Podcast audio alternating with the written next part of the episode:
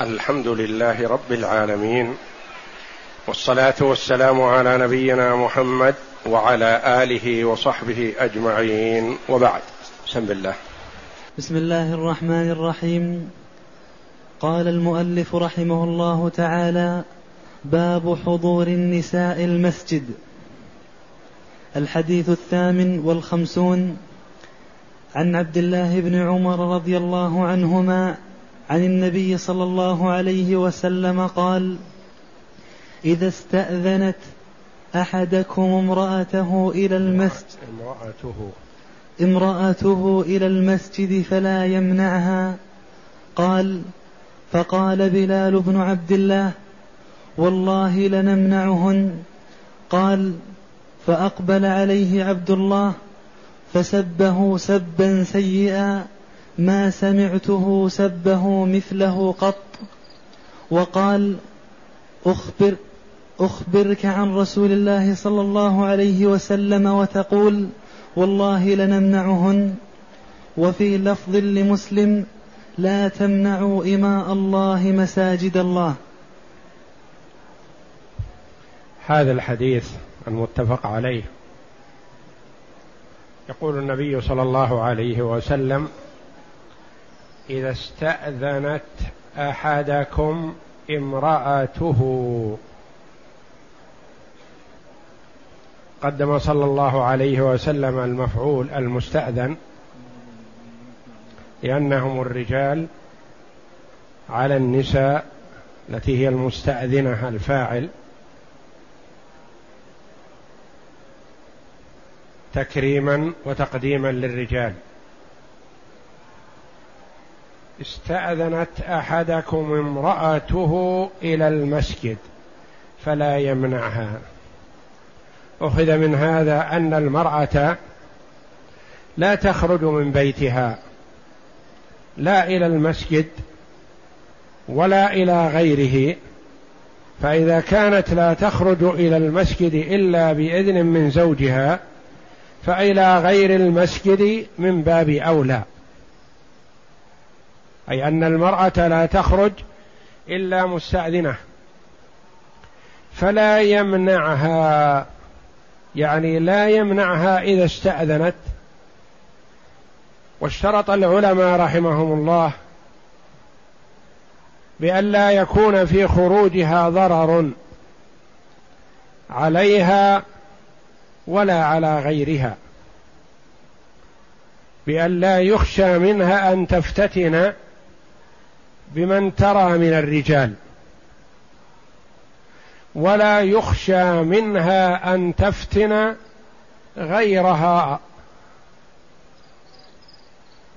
وذلك بأن تخرج محتشمة ساترة لجميع بدنها بستر غير ملفت للنظر.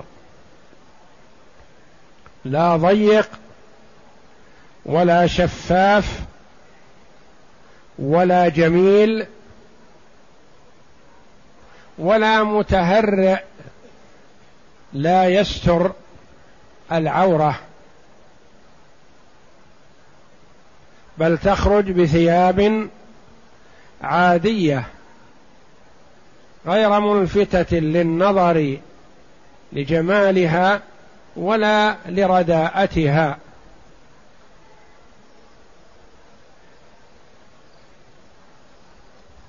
وهذا للصلاة. وفي بعض روايات الحديث صلاة الليل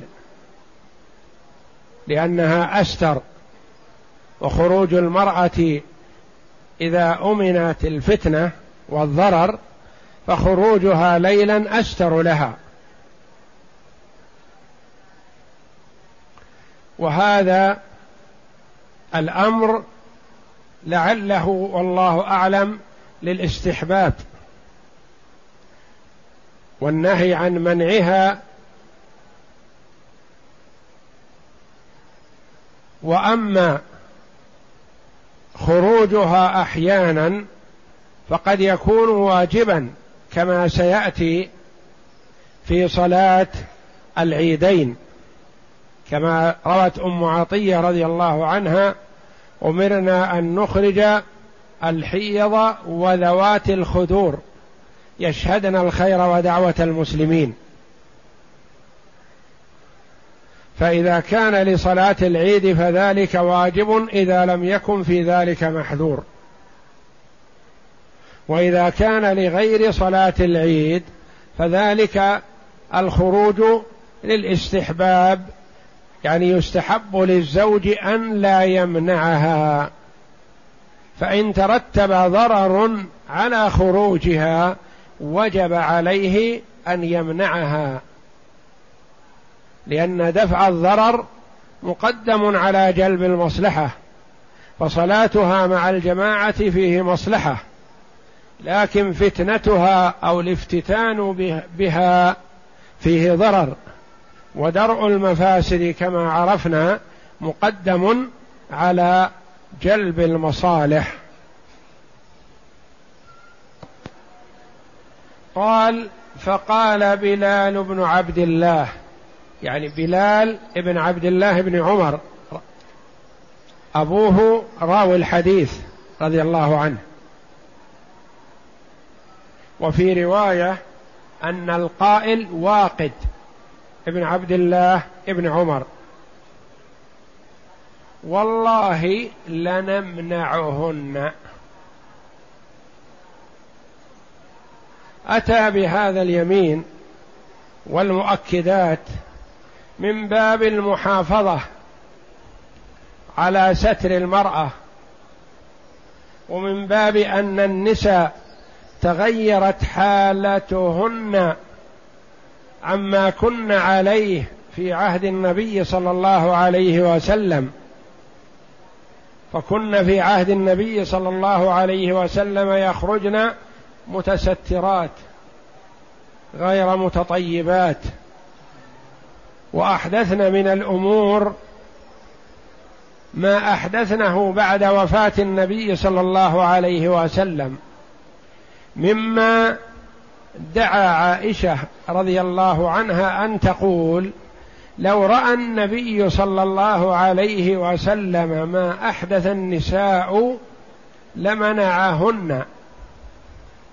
فهو قال هذا القول من باب الغيرة على المحارم ومن باب ستر المرأة وحفظها والا تخرج للرجال.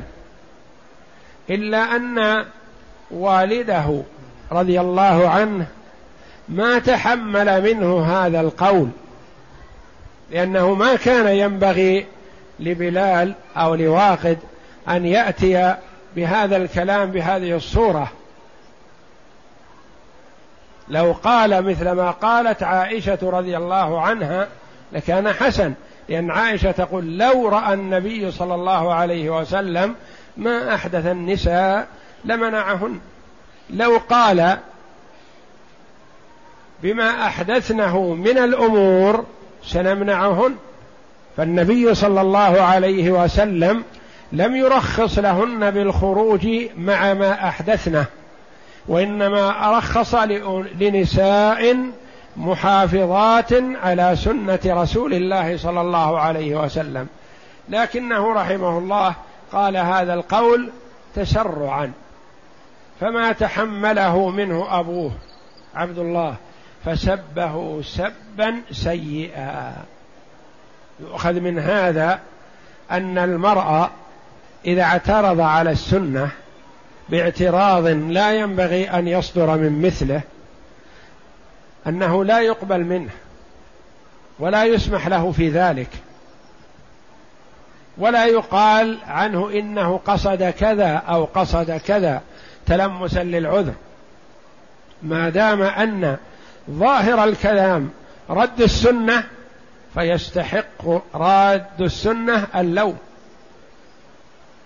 ويستحق التوبيخ ويستحق السب. فسمعته فسبه سبا سيئا ما سمعته سبه مثله. ويؤخذ من هذا أن للوالد أن يلوم ولده وأن يسبه إذا أخطأ حتى وإن كان الولد كبيرا وإن كان متزوج وله أولاد وله نساء فيؤدبه والده لما يصدر منه نحو سنة رسول الله صلى الله عليه وسلم. والغضب لسنة رسول الله صلى الله عليه وسلم واجب المؤمن أن لا تأخذه في الله لومة لائم. لا يبالي بصغير أو كبير قريب أو بعيد. إذا كان المرء يستحق اللوم لا يقول هذا كبير لا يلام بل يلام لرده سنة رسول الله صلى الله عليه وسلم. وقال له أخبرك عن رسول الله صلى الله عليه وسلم وتقول والله لنمنعهن. ما يكون. لا يجوز هذا. لأن الكلمة التي أتى بها بلال أو واقد كلمة لا تتحمل نحو سنة رسول الله لأن فيها الرد الصريح. وإن كان بلال أو واقد قصده حسن لكن ينبغي أن يتلطف في توجيه كلام النبي صلى الله عليه وسلم وتطبيقه على العصر الذي هو فيه. ولا يرده مثلا كأن يكون مثلا في مسألة من المسائل التي أحدث الناس فيها وتجاوزوا فيها لا يقول هذه السنة غير مقبولة وهذه السنة لا يصح العمل بها الآن. نقول لا السنة مقبولة وعلى العين والرأس ويصح العمل بها في كل وقت وفي كل حين. لكن إذا فسد الناس فالسبب فساد الناس لا أن السنة غير صالحة. فإذا فسد الناس وأحدثوا أمورا منكرة مثلا ما يقال إن السنة غير صالحة وإنما بسبب فساد الناس فيؤخذ على أيديهم. ويمنعون ليطبقوا السنة كما هي. لو قال بلال والله لنمنعهن إذا لم يطبقن ما أمر به النبي صلى الله عليه وسلم لكان حسن. والله لنمنعهن إذا لم يخرجن محتشمات. والله لنمنعهن إذا خرجن سافرات مثلا. حسن. لكن ابن عبد الله قال والله لنمنعهن فما تحمله منه أبوه فلذا سبه رضي الله عنه سبا شديدا غيره ودفاعا عن سنة محمد صلى الله عليه وسلم. نعم. بسم الله. بسم الله الرحمن الرحيم. المعنى الإجمالي روى ابن عمر رضي الله عنهما أن النبي صلى الله عليه وسلم قال مبينا حكم خروج المرأة إلى المسجد للصلاة. إذا استأذنت أحدكم امرأته إلى المسجد أحدكم امرأته إلى المسجد فلا يمنعها لئلا يحرمها فضيلة الجماعة في المسجد. لأنها إذا حضرت حصلت على فضيلة الجماعة. نعم. لئلا يحرمها فضيلة الجماعة في المسجد. وكان أحد أبناء أبناء عبد الله بن عمر قال المؤلف رحمه الله أحد ولم يجزم لأنه رؤي أن القائل هذا هو بلال ورؤي أن القائل هو واقد ابن عبد الله بن عمر فهو أحد أولاده. نعم. وكان أحد أبناء عبد الله بن عمر حاضرا حين حدث بهذا الحديث. وكان قد رأى الزمان قد تغير عن زمن النبي صلى الله عليه وسلم بتوسع النساء في الزينة. بتوسع يعني كن يخرجن متزينات ومنهن من يخرجن متطيبات كالمرأة التي مرت على أبي هريرة رضي الله عنه. مرت به وهي متطيبة تريد المسجد. قال إلى أين يا أمة الله؟ قالت إلى المسجد. قال وتطيبت؟ قالت نعم. قال أرجعي فاغتسلي. فإني سمعت رسول الله صلى الله عليه وسلم يقول أيما امرأة مست طيبا وخرجت فهي زانية أو كما قال صلى الله عليه وسلم. فأحدث النساء في عهد الصحابة رضي الله عنهم بعد وفاة النبي صلى الله عليه وسلم ما لم يكن في عهد النبي صلى الله عليه وسلم. وكل زمان أقل وأردأ مما قبله. فما بالك بزماننا هذا؟ يخرجن الواحدة منهن كأنها تريد مقابلة زوجها فقط في مكان خال. تخرج بأحسن زينة وكاشفة عن محاسنها وذلك ضرر عليها وعلى إخوانها المسلمين. فالواجب على المرأة المسلمة أن تأخذ بسنة رسول الله صلى الله عليه وسلم وأن لا تخرج إلا لحاجة أو لصلاة الجماعة. أو للصلاة في المسجد أو للطواف بالبيت وأن تخرج محتشمة ساترة لجميع بدنها تخرج بثياب عادية لا تتجمل ولا تلبس ثيابا ردية غير ساترة ملفتة للنظر بجمالها أو ملفتة للنظر برداءتها بل تكون ثيابا وسطا غير ملفتة للنظر. لتؤدي العبادة التي خرجت من أجلها بسلامة وحسن نية وتؤجر. أما إذا خرجت كاشفة عن محاسنها أو لابسة ثياب زينة أو مظهرة حليها أو كاشفة لبعض عورتها فإنها آثمة وتسبب الإثم لمن مرت به من إخوانها المسلمين. نعم. فحملته الغيرة على صون النساء على أن قال من غير قصد الاعتراض على المشروع والله لنمنعهن. ففهم أبوه من كلامه أنه يعترض برده هذا على سنة النبي صلى الله عليه وسلم فحمله الغضب لله ورسوله. لأن المرأة قد يسمع الكلمة النابية في حق السنة فيغضب. وغضبه هذا يحمد عليه لأنه غضب لله ولرسوله. ولا يقال إنه متسرع أو متهور.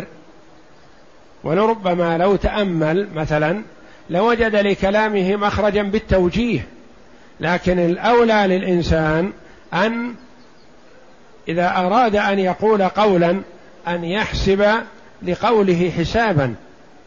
فلا يؤثر على من يخاطبه. بالقسوة والشدة في رد ما يقول صاحبه. فإذا سمع قولا يحتمل التوجيه أن يوجه أن يوجه بحسن طريقة مثلا. لا يقول لصاحبه مثلا إذا تحدث كلامك هذا خطأ كلامك هذا بعيد عن الصواب هذا لا يليق. وإنما يقول لو قلت يرحمك الله كذا أو لو تكلمت بكذا أو لو دعوت إلى كذا ونحو ذلك من التوجيه الحسن. فيحسن بالإنسان أن يحاسب نفسه عند مخاطبة الغير وخاصة فيما يتعلق بشعائر الدين. فحمله الغضب. فحمله الغضب لله ورسوله على أن سبه سبا شديدا. وقال يؤخذ من هذا أن المرأة قد يسب ابنه أو يسب أخاه ولا حرج عليه في ذلك إذا كان ذلك غيرة لله ولرسوله. نعم. وقال أخبر أخبرك عن رسول الله صلى الله عليه وسلم وتقول والله لنمنعهن. يعني هذا القول غير مناسب منك. لا تقل هذا القول. نعم. ما يؤخذ من الحديث أولا استحباب الإذن للمرأة بالصلاة في المسجد إذا طلبت ذلك. ثانيا أن جواز الإذن لها مع عدم الزينة والأمن من الفتنة كما صحت بذلك الأحاديث. وليخرجن تفلات. نعم. ثالثا ويظهر أن جواز الإذن لمجرد الصلاة. يعني إذا استأذنت لمجرد الصلاة كأن تستأذن لصلاة العشاء أو لصلاة الفجر أو نحو ذلك فلا تمنع. أما إذا كان للدروس أو للعلم أو للخطبة ونحو ذلك فذلك مستحب. نعم. أما لسماع المواعظ وخطب الأعياد فيجب حضورهن كما يأتي في حديث في حديث أم عطية أمرنا أمرنا أن نخرج في العيدين العواتق وذوات الخدور. رابعا هذا سيأتي إن شاء الله في باب صلاة العيدين والمراد بالعواتق عن البنات المتخفرات في بيوتهن وذوات الخدور أي اللاتي لا يخرجن للناس لكن يخرجن في العيدين. وفي الحديث الحيض ويعتزل الحيض المصلى.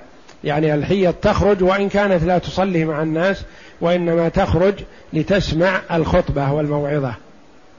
نعم. رابعا شدة الإنكار على من اعترض على سنة النبي صلى الله عليه وسلم. خامسا أنه ينبغي لمن أراد أن يوجه كلام الشارع إلى معنى يراه أن يكون ذلك بأدب واحترام وحسن توجيه. نعم. باب سنن باب سنن الراتبة. نعم. باب سنن الراتبة. عن عبد الله بن عمر رضي الله عنهما قال صليت مع رسول الله صلى الله عليه وسلم ركعتين قبل الظهر وركعتين بعدها وركعتين بعد الجمعة. وركعتين بعد المغرب وركعتين بعد العشاء. وفي لفظ فأما المغرب والعشاء والفجر والجمعة ففي بيته. وفي لفظ للبخاري أن ابن عمر قال حدثتني حفصة أن النبي صلى الله عليه وسلم كان يصلي سجدتين خفيفتين بعدما بعدما يطلع الفجر وكانت ساعة لا أدخل على النبي صلى الله عليه وسلم فيها. هذا الحديث دل على آكدية السنن الرواتب التي كان النبي صلى الله عليه وسلم يحافظ عليها قبل الفريضة وبعدها منها ما لها سنة راتبة قبلها وبعدها ومنها ما سنتها قبلها ومنها ما سنتها بعدها. والرواتب والنوافل فيها ثواب عظيم للمرء وفيها جبر للنقص والخلل الذي يحصل في الفريضة. والمحافظة عليها سبب من أسباب محبة الله جل وعلا لعبده. فإذا أحب الله جل وعلا عبده وفقه لكل خير وعصمه من كل شر. فقد قال صلى الله عليه وسلم فيما يرويه عن ربه جل وعلا. ما تقرب إلي عبدي بشيء أحب إلي مما افترضته عليه التي هي الفرائض. ولا يزال عبدي يتقرب إلي بالنوافل حتى أحبه. فإذا أحببته كنت سمعه الذي يسمع به وبصره الذي يبصر به ويده التي يبطش بها ورجله التي يمشي بها. يعني جوارحه وحواسه. يحفظها الله جل وعلا من أن تسمع أو ترى مكروها تأثم به. أو تمتد إلى مكروه تأثم به. وإن سألني لاعطينه ولئن استعاذني لاعيذنه فالله جل وعلا إذا أحب عبده حفظه. وكيف يتقرب العبد إلى ربه ليحبه؟ يتقرب إليه بالمحافظة على الفرائض والإكثار من النوافل.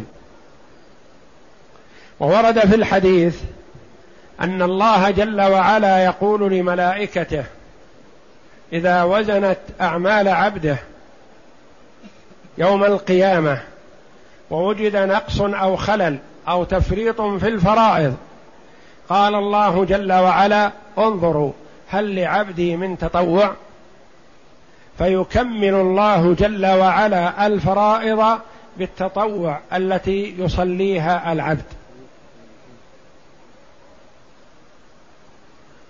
ففيها ثواب ودرجات وحسنات وتكفير سيئات وتأدية عن صدقات كما ورد في ركعتي الضحى أن على كل سلامة من أحدكم كل يوم تطلع فيه الشمس صدقة. قال في آخر الحديث وفي الإنسان ثلاثمائة وستون مفصلة. يعني كل يوم عليه ثلاثمائة وستون صدقة وليست هذه من لطف الله جل وعلا صدقات مالية بل كل تسبيحة صدقة وكل تكبيرة صدقة وكل تحميدة صدقة والأمر بالمعروف صدقة والنهي عن المنكر صدقة. قال في آخر الحديث ويكفي عن ذلك ركعتان يركعهما من الضحى. فإذا صلى المرء ركعتين من الضحى كفته عن ثلاثمائة وستين صدقة. فالنوافل لها أثر عظيم في حياة العبد واستقامته وسلامته من الشرور وحفظه من المهالك بإذن الله. فحري بالعبد أن يحافظ على هذه الرواتب وعلى النوافل المطلقة. ثم إن الصلاة النافلة قبل الفريضة تهيئ المصلي لأن يدخل في الفريضة على أحسن هيئة من الراحة والطمأنينة. لا يأتي مسرعا أو متخاصما مع غيره أو بائعا أو مشتريا منشغل ذهنه ثم يدخل في الفريضة مباشرة. فجعل الله جل وعلا هذه النوافل قبلها لتكون كالتمهيد لحضور قلب المسلم بين يدي الله جل وعلا في الفريضة أكثر. فهي تهيئ العبد ليدخل في الفريضة على أحسن هيئة. ثم النوافل بعد الفريضة تكون كالمرقعة والمصححة والمكملة للفريضة السابقة إذا حصل فيها خلل أو نقص. فحري بالمسلم أن يحافظ على هذه الرواتب التي حافظ عليها النبي صلى الله عليه وسلم. وكان عليه الصلاة والسلام إذا فاتته راتبة لصلاة قضاها بعد ذلك. كما ورد أنه قضى الراتبة راتبة الظهر بعد صلاة العصر صلى الله عليه وسلم. فإذا كان المرء من عادته المحافظة على الرواتب ثم انشغل عن راتبة أو دخل والإمام قد دخل في الصلاة مثلا وفات عليه الفريضة قبل الصلاة فليقضها بعد الصلاة أو حينما يذكر أو حينما يفرغ إذا كان منشغلا.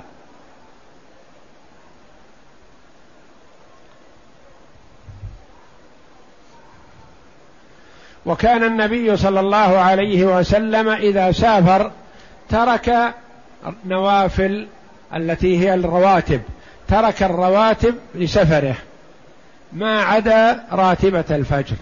فكان عليه الصلاة والسلام كما سيأتينا لا يتركها لا حضرا ولا سفرا.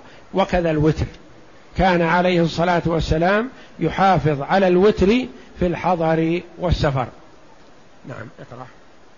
المعنى الإجمالي في هذا الحديث بيان للسنن الراتبة للصلوات الخمس وذلك أن لصلاة الظهر أربع ركعات ركعتين قبلها وركعتين بعدها. صلاة الظهر أربع ركعات في هذا الحديث ركعتان قبلها وركعتان بعدها. وفي حديث آخر في السنن صحيح أربع ركعات قبلها وركعتان بعدها. فإذا صلى المسلم قبل الظهر ركعتين وبعدها ركعتين فحسن. وإن صلى قبلها أربع ركعات بسلامين وبعدها ركعتين فذلك أحسن. نعم. وأن لصلاة الجمعة ركعتين بعدها صلاة الجمعة لا راتبة لها قبلها وإنما يصلي المرء ما شاء ما تيسر له. يعني الوقت وقت صلاة. لكن ليس لها راتبة قبلها مباشرة وراتبتها بعدها ركعتان ويحسن أن تكون في البيت. ولعل الحكمة والله أعلم في أنه لم يكن للجمعة راتبة قبلها لئلا يتوهم أن ما قبلها تكميل لها لأنها ركعتين. لأنها لأن الجمعة ركعتان. فلئلا يتوهم أن الركعتين قبلها تكميل لها. فلذا لم يشرع لها راتبة قبلها وإنما يصلي ما شاء. من حين يدخل المسجد إلى أن يدخل الخطيب. كله وقت للصلاة. إن صلى فحسن وإن جلس يقرأ فإنه في صلاته. نعم. وأن للمغرب ركعتين بعدها. والمغرب لها ركعتان بعدها. وقبلها يصلي فحسن لقول النبي صلى الله عليه وسلم بين كل أذانين صلاة بين كل أذانين صلاة بين كل أذانين صلاة لمن شاء. فهذا يشمل جميع الفرائض الخمس. والمراد بالأذانين الأذان والإقامة. ويدخل ضمن ذلك المغرب. فإذا أذن لصلاة المغرب وأنت في المسجد فيحسن أن تصلي ركعتين وإن لم تصلي فلا بأس. لكن كما قال الراوي رأيت أصحاب رسول الله صلى الله عليه وسلم إذا سكت المؤذن من صلاة من أذان المغرب ابتدروا السواري يصلون يصلون ركعتين قبل المغرب. نعم. وأن لصلاة العشاء ركعتين بعدها وأن لصلاة العشاء ركعتين بعدها راتبة العشاء بعدها. وأما قبلها فمن صلاة المغرب إلى الإقامة لصلاة العشاء كله وقت للنافلة. نفل مطلق. نعم. وأن راتبتي صلاتي الليل المغرب والعشاء وراتبة الفجر والجمعة كان يصليها الرسول صلى الله عليه وسلم في بيته. نعم. راتبتي صلاة الليل صلاة المغرب وصلاة العشاء وصلاة الفجر رواتبها هذه في البيت أفضل. فإن صلاها في المسجد فلا بأس.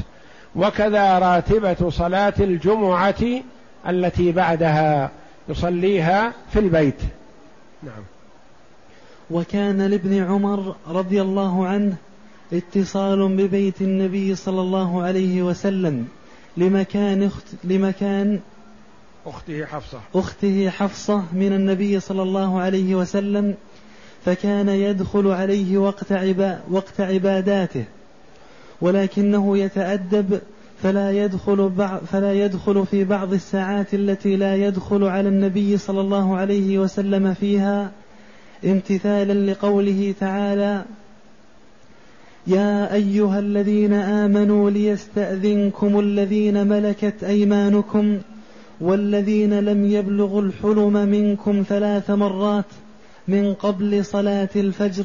الآية لأن ابن عمر رضي الله عنه كان شديد الحرص على التمسك بسنة رسول الله صلى الله عليه وسلم. فكان يتابع النبي صلى الله عليه وسلم ويدخل معه في بيته لأن صاحبة البيت حفصة بنت عمر رضي الله عنهما هي أخت عبد الله. فهو يدخل في بيت الرسول صلى الله عليه وسلم في كثير من الأحيان لينظر عبادة النبي صلى الله عليه وسلم. كما كان ابن عباس رضي الله عنهما يدخل بيت خالته ميمونة رضي الله عنها. وهكذا كان الصحابة رضي الله عنهم حتى صغارهم يحرصون على مخالطة النبي صلى الله عليه وسلم والوقوف على أفعاله وعباداته في بيته من أجل أن ينقلوها للأمة بعد أن يطبقوها على أنفسهم رضي الله عنهم وأرضاهم. نعم. فكان لا يدخل عليه في الساعة التي قبل الفجر في الساعة يعني كان يتأدب ويستحي فلا يدخل في قبل صلاة الفجر وإنما تنقل له أخته ذلك. يصلي سجدتين والمراد ركعتين خفيفتين بعدما يطلع الفجر. وأخبر رضي الله عنه أنه ما رأى هذا وإنما أخبرته حفصة يقول وكانت ساعة لا أدخل على النبي صلى الله عليه وسلم فيها. نعم. ليرى كيف كان النبي صلى الله عليه وسلم يصلي. ولكن من حرصه على العلم كان يسأل أخته, أخته حفصة. عن ذلك فتخبره أن النبي صلى الله عليه وسلم كان يصلي سجدتين خفيفتين بعدما يطلع الفجر وهما سنة صلاة الصبح. ما يؤخذ من الحديث أولا استحباب هذه الرواتب المذكورة والمواظبة عليها. ركعتان قبل الظهر وركعتان بعدها وركعتان بعد المغرب وركعتان بعد العشاء وركعتان بعد الفجر. هذه عشر. وفي حديث آخر ثنت عشرة ركعة. ركعتان أربع ركعات قبل الظهر. ثانيا أن العصر ليس لها راتبة من هذه المؤكدات. العصر ليس لها راتبة لا قبلها ولا بعدها. وإنما قبلها يصلي ما تيسر. وإن واظب على أربع ركعات قبل العصر فحسن. أنها مستحبة ولا يقال عنها إنها راتبة. لأن الراتبة غير النوافل المطلقة وغير المستحبة. يعني آكد الرواتب مؤكدة. وأما أربع ركعات قبل العصر فقد قال صلى الله عليه وسلم رحم الله امرأ صلى قبل العصر اربعا وورد الترغيب فيها لكن لا تصل إلى درجة أنها من السنن الراتبة.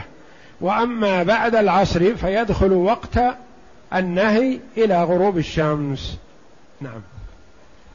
ثالثا أن رواتب المغرب والعشاء والفجر والجمعة الأفضل أن تكون في البيت.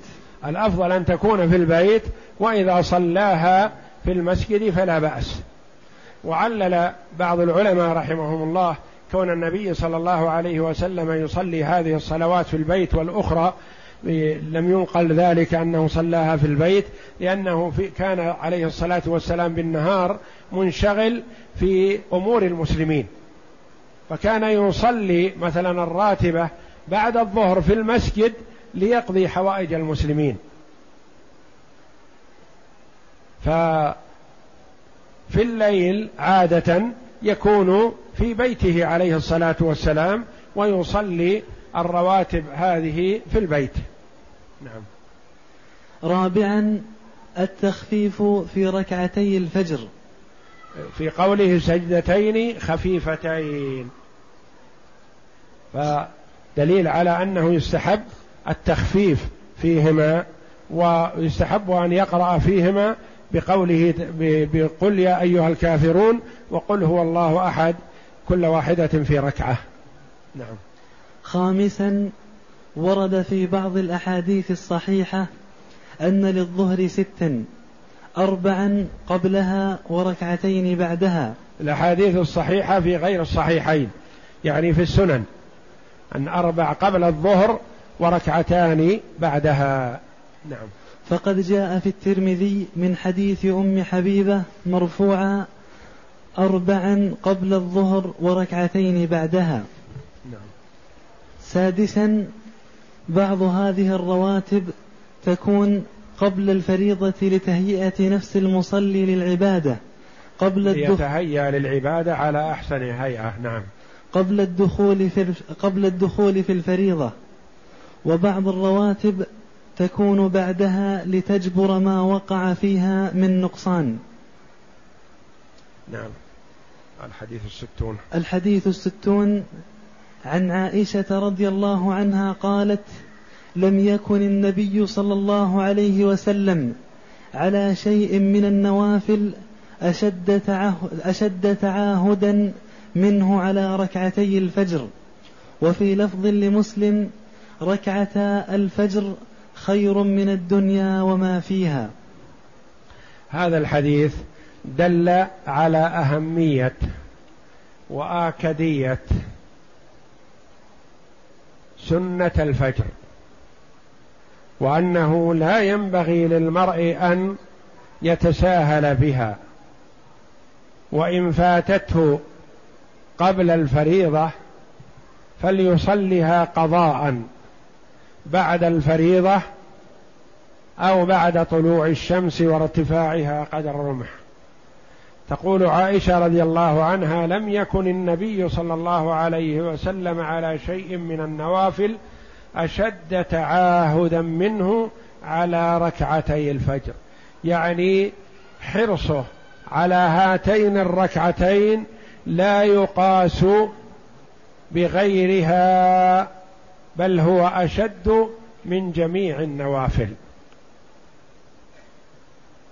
وفي لفظ لمسلم دون البخاري رحمهم الله ركعتا الفجر خير من الدنيا وما عليها. هذا فضل عظيم. ركعتان فقط. خير من الدنيا وما فيها لا يفرط فيها إلا محروم. هذا حث من النبي صلى الله عليه وسلم على هاتين الركعتين. وفي بعض الأحاديث ولو طردتكم الخيل يعني لا تتركوها ولو كنتم مطرودين بالخيل. فيصليها المرء. دليل على آكديتها وعظم ثوابها عند الله جل وعلا.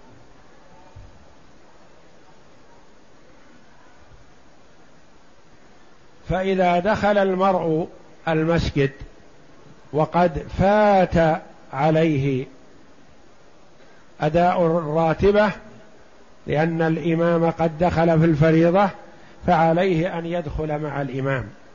ولا يجوز له أن يتنحى ناحية ليصلي كما يفعل بعض الإخوة جهلا. يقول مثلا الركعة الأولى من صلاة الفجر طويلة. يمكنني أن آتي بالركعتين ثم ألحق الفجر. نقول لا. حينما تدخل في صلاة بعد إقامة الصلاة لا صلاة لك. صلاتك عبث هذه.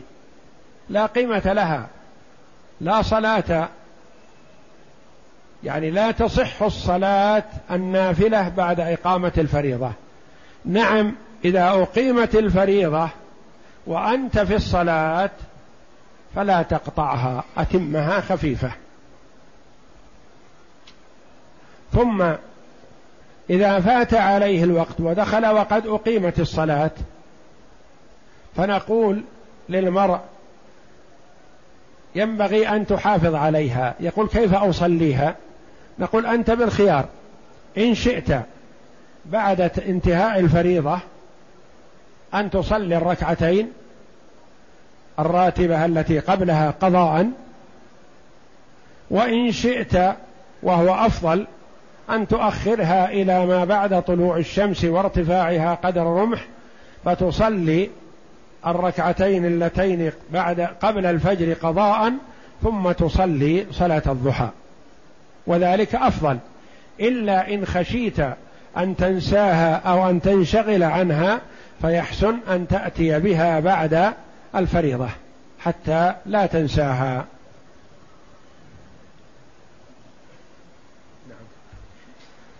المعنى الإجمالي في هذا الحديث بيان لما لركعتي الفجر من الأهمية والتأكد. فقد ذكرت عائشة رضي الله عنها أن النبي صلى الله عليه وسلم أكدهما وعظم شأنهما بفعله وقوله حيث حيث قالت لم يكن على شيء من النوافل أشد تعاهدا ومواظبة منه على ركعتي الفجر. هذا تأكيده صلى الله عليه وسلم بفعله. نعم. وأنه صلى الله عليه وسلم قال أنهما خير من الدنيا وما فيها. هذا بقوله. فأكد صلى الله عليه وسلم فضلهما بفعله بالمواظبة. وبقوله بقوله خير من الدنيا وما فيها. نعم. ما يؤخذ من الحديث اولا الاستحباب المؤكد في ركعتي الفجر فلا ينبغي إهمالهما. ثانيا فضلهما العظيم حيث جعل خيرا حيث جعل خيرا من الدنيا وما فيها. نعم. ركعتان خفيفتان خير من الدنيا وما فيها من أولها إلى آخرها. هذا شأن عظيم لهاتين الركعتين. نعم. ثالثا كون النبي صلى الله عليه وسلم يتعاهدهما أكثر من غيرهما. نعم. لأنه صلى الله عليه وسلم كان لا يتركهما لا حضرا ولا سفرا. نعم. رابعا أن إهمال من أهملها أن إهمال. أن إهمال من أهملها أن إهمال من أهملهما على سهولتهما وعظم أجرهما وحث الشارع عليهما يدل على ضعف دينه وحرمانه من الخير العظيم. يعني لا يتساهل فيهما إلا إنسان محروم ولا يحتسب الأجر والثواب من الله جل وعلا. وإلا ما دام أن هذا أجرهما وثوابهما وعظمهما خير من الدنيا وما فيها فلا يفرط فيها إلا محروم. ثم إن المرء إذا استيقظ بعد في أثناء وقت صلاة الفجر قبيل طلوع الشمس مثلا إذا استيقظ متاخرا وقد فاتته الجماعة فلا يخلو. إن كان قد بقي بالوقت على طلوع الشمس ما يتسع للراتبة والفريضة. فالأولى أن يصلي الراتبة اولا ثم يصلي الفريضة بعد ذلك. وإن كان لم يبقى في الوقت إلا ما يتسع لركعتين فقط للفريضة فقط. فالأولى له أن يصلي الفريضة ثم يقضي الراتبة بعد طلوع الشمس. أما إذا كان استيقاظه بعد طلوع الشمس كما حصل للنبي صلى الله عليه وسلم ومعه الصحابة لم يستيقظوا إلا بحر الشمس فيصلي الراتبة اولا ثم يصلي الفريضة لأن الوقت قد خرج وكلها قضى فترتيبها بأن تكون الفريضة بعد النافلة أولى. فهو إن اتسع الوقت لهما معا بدأ بالنافلة ثم الفريضة. وإن خرج الوقت عنهما بدأ بالراتبة ثم الفريضة. وإن كان في الوقت شيء لا يتسع لهما معا صلى الفريضة اولا ثم قضى النافلة. والله أعلم. وصلى الله وسلم وبارك على عبده ورسول نبينا محمد وعلى آله وصحبه أجمعين.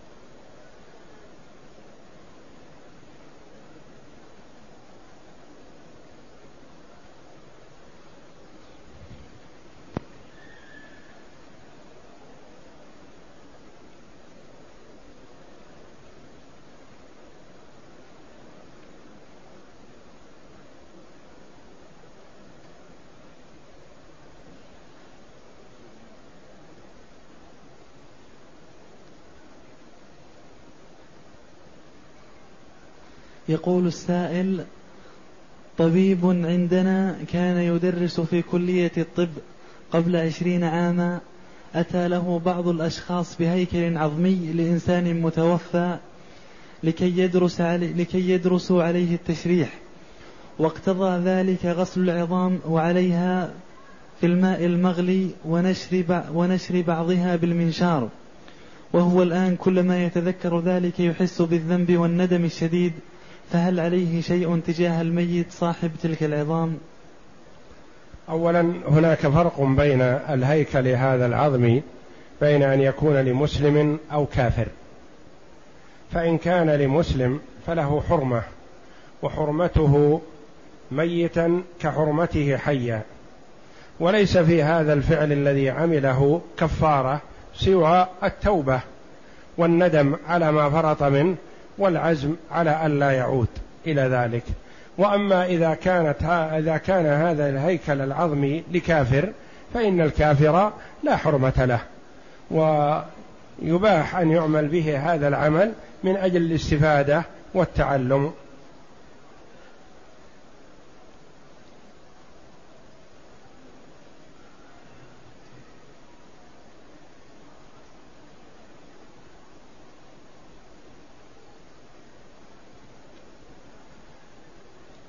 يقول السائل حضرت من المدينة المنورة معتمرا. وصلت مكة قبل العشاء بقليل وحاولت أن أدرك المغرب فنويت مت مت مؤخرا جمع تأخير. فهل تصح صلاتي؟ نعم صلاتك صحيحة. ما دمت قادم إلى مكة مسافر من المدينة ووصلت مع صلاة العشاء ونويت تأخير صلاة المغرب إلى العشاء. فصليت المغرب اولا ثم صليت العشاء بعد ذلك فلا بأس عليك.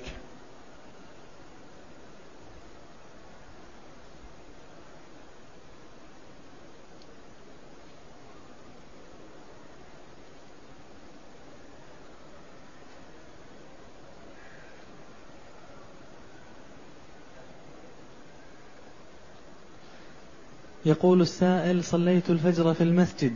ثم عدت إلى المنزل بعد الشروق فوجدت منيا في السراويل. هل أعيد صلاتي؟ إذا كان هذا السراويل أنت لابسه قبل صلاة الفجر ثم خلعته وصليت الفجر فتبين لك أنك قد احتلمت فعليك أن تغتسل وأن تعيد صلاة الفجر لأنك صليتها وأنت جنوب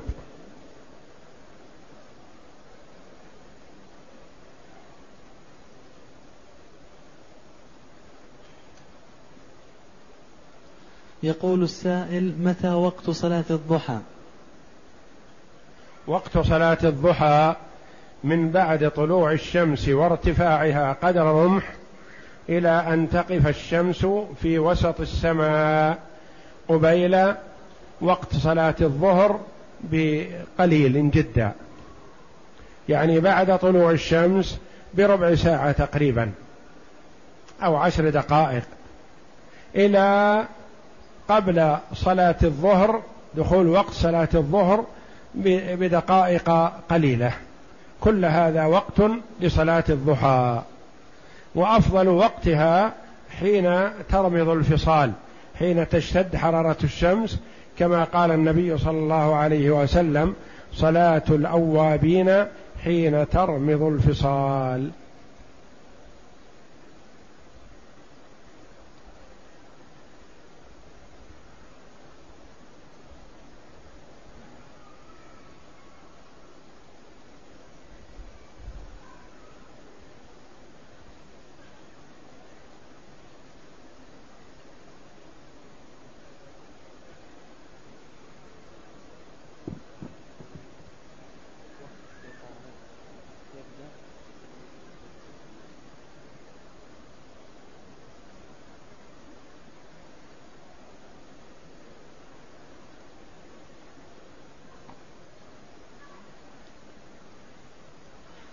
يقول السائل كيف نقول لا نمنع المرأة من الذهاب إلى المسجد حتى لا نحرمها من فضيلة الجماعة؟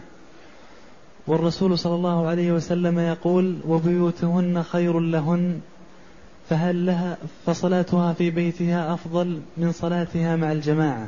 لا شك أن صلاتها في بيتها أفضل لأن النبي صلى الله عليه وسلم قال وبيوتهن خير لهن. لكن إذا استأذنت فينبغي ألا يمنعها زوجها إذا لم يكن في خروجها ضرر. لأنه صلى الله عليه وسلم قال لا تمنعوا إماء الله مساجد الله وبيوتهن خير لهن. وقال هذا الحديث الذي معنا إذا استأذنت أحدكم امرأته فلا يمنعها. فهو عليه الصلاة والسلام القائل هذا وهذا ولا تعارض بينهما. فهو صلى الله عليه وسلم يقول للمرأة الأفضل لك أن تلزمي بيتك وتصلي في بيتك. لكن قالت مثلا أنا أنشط لي إذا حضرت الجماعة. أنشط لي إذا سمعت الإمام يقرأ الآيات من القرآن. أتذكر وأتعظ وأستفيد.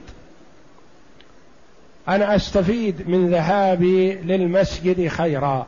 فنقول لزوجها لا تمنعها. والرسول صلى الله عليه وسلم رغبها إذا رغبت في البيت. فإذا رغبت في المسجد فقال لا تمنعها. إذا رغبت في المسجد فلا تمنعها. وأنت رغبها في البيت كما رغبها النبي صلى الله عليه وسلم. وهذا معقول. تقول المرأة لزوجها اذن لي في الصلاة في المسجد. يقول لها لقد قال النبي صلى الله عليه وسلم وبيوتهن خير لهن. قالت أنا مؤمنة بذلك لكني أحب أن أحضر مع الناس الصلاة وأسر إذا رأيت كثرة المصلين أسر إذا رأيت الجيران يتسارعون إلى المسجد ويمتلئ المسجد بالمصلين أتدبر وأتأمل حينما أسمع الإمام يقرأ الفاتحة والسورة بعدها وأستفيد وأخشع وأتذلل في صلاتي مع الإمام خير وأفضل لي من صلاتي في بيتي فنقول لزوجها لا تمنعها. ذهابها فيه خير وبقاؤها في بيتها خير. فالكل خير والحمد لله ولا تعارض. وهذا شيء معقول ومحسوس. بعض النساء تشتاق إلى المسجد لا لأجل أن ترى الرجال ولا لأجل أن يروها. بل تخرج متسترة في هيئة حسنة غير ملفتة للنظر. تؤدي العبادة بخشوع وطمأنينة وتسمع قراءة الإمام وتستفيد. وبعض النساء تصلي في بيتها خير لها من خروجها إلى المسجد لأنها إذا خرجت بدأت تلتفت وترى هذا وتتحسس وترى هي وتلفت أنظار الرجال بمرورها من بينهم وهكذا. فهذا خير وهذا خير والنبي صلى الله عليه وسلم هو المعلم وهو المرشد لما فيه الخير وجمع ذلك في حديث واحد لا تمنعوا إماء الله مساجد الله وبيوتهن خير لهن. نعم.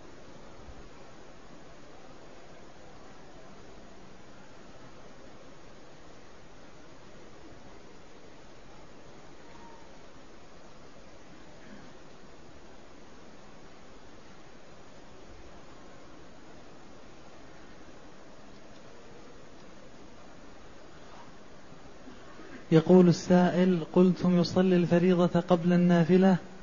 إذا ضاق الوقت أليس وقت النائم يبدأ آخر وقت استيقاظه؟ لا يا أخي وقت النائم ليس وقت استيقاظه الوقت له حد. إن الصلاة كانت على المؤمنين كتابا موقوتا أي مفروضا في الأوقات.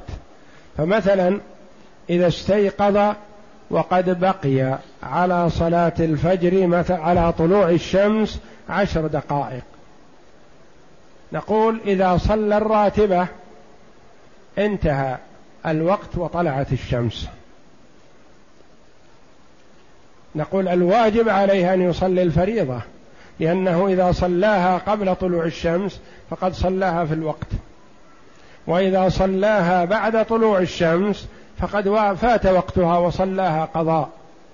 فتأدية الفريضة أداء واجب مع القدرة. إذا استيقظ بعد طلوع الشمس نقول نعم الآن يصلي الراتبة ويصلي الفريضة لأن الوقت قد انتهى. خرج الوقت كلها